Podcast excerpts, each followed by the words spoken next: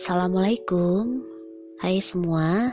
Hari ini saya ingin berbagi sebuah kisah yang mungkin hmm, teman-teman sebagian udah tahu ini kisah tentang siapa dan bagaimana.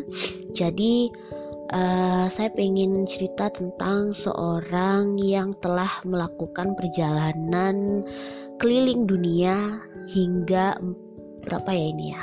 Ya, jadi dia udah keliling dunia itu ke 44 negara. Bayangin, dia keliling ke sebanyak itu negara. Duitnya habis berapa dan berapa lama waktu yang dia butuhkan. Jadi kalau teman-teman itu udah pada kenal sama traveler-traveler atau kalau dalam bahasa zaman dulu kita sering sebut sebagai penjelajah gitu ya uh, banyak kan kalian pasti kenal sama penjelajah dari negeri barat kayak Marco Polo, Vasco da Gama, Bartolomeu Dias gitu kan ya. Bahkan mungkin kalau kalian dari Indonesia mungkin udah kenal yang namanya Laksamana Cheng Ho yang dia dikenal di daratan Jawa jadi kalau kalian datang ke Pasuruan atau mungkin datang ke Semarang, kalian akan tahu melihat peninggalannya Laksamana Cheng Ho.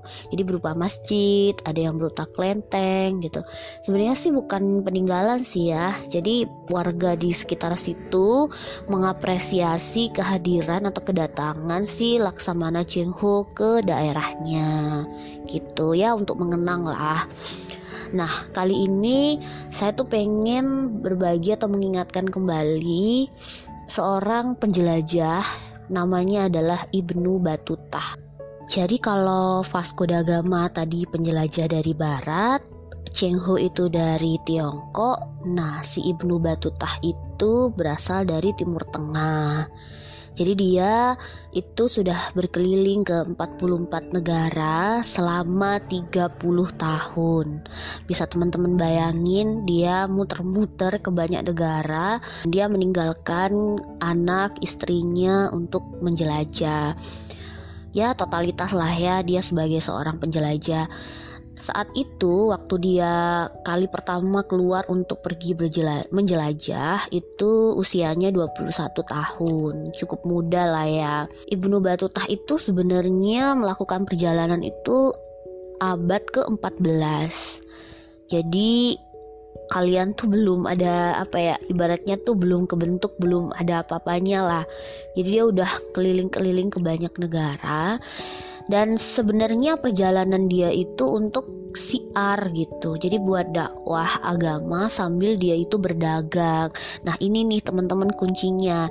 Jadi kalau misalnya teman-teman bayangin 30 tahun dia melakukan perjalanan terus uangnya berapa nah ini kuncinya. Jadi dia tuh perjalanan sambil dagang makanya dia itu nggak kehabisan uang selama di jalan. Dia jual kemudian dia beli lagi jual lagi beli lagi makanya uangnya tetap ada. Nah Ibnu Batutah ini agamanya muslim ya teman-teman. Jadi dia termasuk penjelajah pertama yang beragama Islam. Keren ya. Nah, ini teman-teman bisa tuh mengikuti jejaknya si Ibnu Batuta. Cuman ya harus ditetapkan tujuannya. Kalau Ibnu Batuta kan pergi jalan-jalannya buat syiar ya, buat dagang. Nah, kalau teman-teman gimana? Uh, jangan sampai cuman mau jalan-jalan doang. Nah, itu bisa jadi buang-buang uang, buang-buang waktu. Tapi kalau tujuannya untuk uh, syiar atau mungkin untuk mengenang kembali tempat-tempat bersejarah di negara-negara muslim itu lebih bagus lagi. Ibnu Batutah tuh selain dakwah sama dagang, dia juga ingin mempelajari apa yang ada atau apa yang dimiliki di kawasan yang ia datangi atau di negara yang ia datangi. Karena kan dia percaya bahwa setiap negara, setiap daerah itu punya budaya masing-masing dan dia ingin tahu dan mempelajarinya. Tapi dia juga menyesuaikan ya. Maksudnya dia kan beragama Islam. Jadi dia menyesuaikan budaya itu sesuai dengan keyakinannya. Kalau misalnya budaya itu nggak sesuai dengan keyakinannya ya dia nggak akan mempelajarinya begitu. Ya cukup sebagai pengetahuan saja. Jadi ke mana aja sih Ibnu Batutah itu menjelajah banyak ya. Jadi dia udah menjelajah ke banyak kota-kota besar di banyak negara.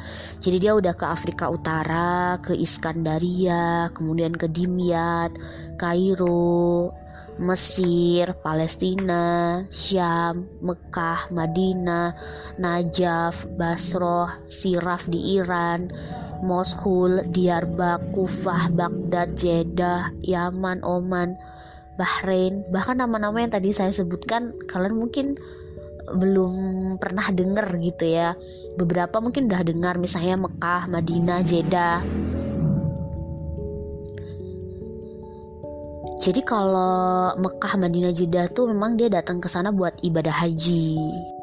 Terus kalau di kawasan Asia, dia pernah ke Karam, Rusia Selatan, Bulgaria, Polandia, Konstantinopel, Bukhara, Afghanistan, Delhi, India, bahkan dia udah pernah ke Indonesia loh teman-teman nah kita patut bangga nih uh, Indonesia pernah didatengin secara kan kita deketan ya ada Malaysia di Singapura tapi dia memilih datang ke Indonesia uh, wilayah kita itu kan dikelilingi sama laut ya kalau Cheng Ho kan milih datang ke Pulau Jawa. Nah, kalau Ibnu Batuta dia lebih milih ke daerah Sumatera. Jadi di sana dia bertemu dengan Sultan Pasai yaitu Malik Al-Zahar yang dikenal sebagai sultan paling ramah. Ya, dia selama di apa namanya di Indonesia tuh ah itu selama 15 hari doang sih. Jadi cukup singkat lah perjalanan dia ke Indonesia. Setelah dia berkunjung di Aceh, Nah, dia langsung tuh pergi ke Cina. Kemudian dia menunaikan ibadah haji lagi. Kemudian, nah ini sih yang paling disayangkan dari dirinya Ibnu Batutah ya. Dan ini mungkin juga sebagai pengingat untuk teman-teman yang lain. Jadi sayang banget. Coba kalau dia tulis perjalanan dia ke 44 negara pasti kan keren banget ya. Kita bisa baca itu bukunya sampai sekarang. Kita terinspirasi. Sayangnya tuh nggak ada jadi saya uh, termasuk mengacungkan jempol untuk traveler-traveler yang udah nulis kisah perjalanan dia kayak misalnya Trinity. Bahkan kisahnya udah difilmkan. Maksudnya ketika orang lain gak bisa pergi ke sana tapi kita bisa menikmati apa yang sudah dilakukan oleh si traveler itu di negara lain gitu. Untungnya meskipun si Ibnu Batutah itu nggak meninggalkan buku karya sastra atau mungkin catatan perjalanan gitu ya tapi tetap dia itu menceritakan kisah perjalanannya itu ke orang lain nah orang lain inilah yang akhirnya berinisiatif menerbitkan buku kisah perjalanan Ibnu Batutah. Di namanya adalah Sultan Abu Inan.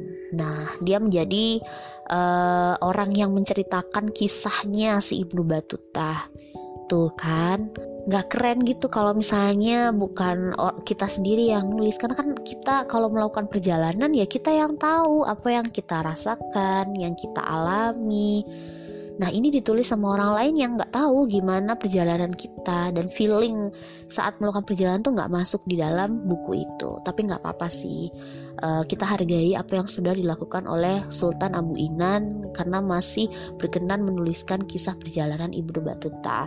Dan Sultan ini menunjuk seorang juru tulis namanya adalah Ibnu Jauzi. Jadi dia menuliskan uh, cerita dari Ibnu Batutah dari Sultan kemudian menyusunnya menjadi sebuah buku. Nah, bukunya inilah yang sekarang dikenal dan dibaca oleh banyak orang gitu. Nah, bukunya ini judulnya agak panjang gitu loh. Ya saya aja mau mau nyebutin agak susah gitu, tapi nggak apa aku saya bacain ya. Judulnya Tuhfat Al-Nazar fi Al-Amsor wa Al-Jain Al-Asfar. Aduh, maaf ya, ini uh, bahasanya bahasa Arab jadi agak kebelibet gitu. Uh, jadi kalau di bahasa Indonesia itu artinya hadiah untuk para pengamat yang meneliti keajaiban-keajaiban kota dan keanehan-keanehan perjalanan yang berisi hal-hal menanjubkan dan menyentuh. Ih, keren ya. Dia bisa nulis uh, kisah perjalanan Ibnu Batutah dengan judul sekeren ini gitu.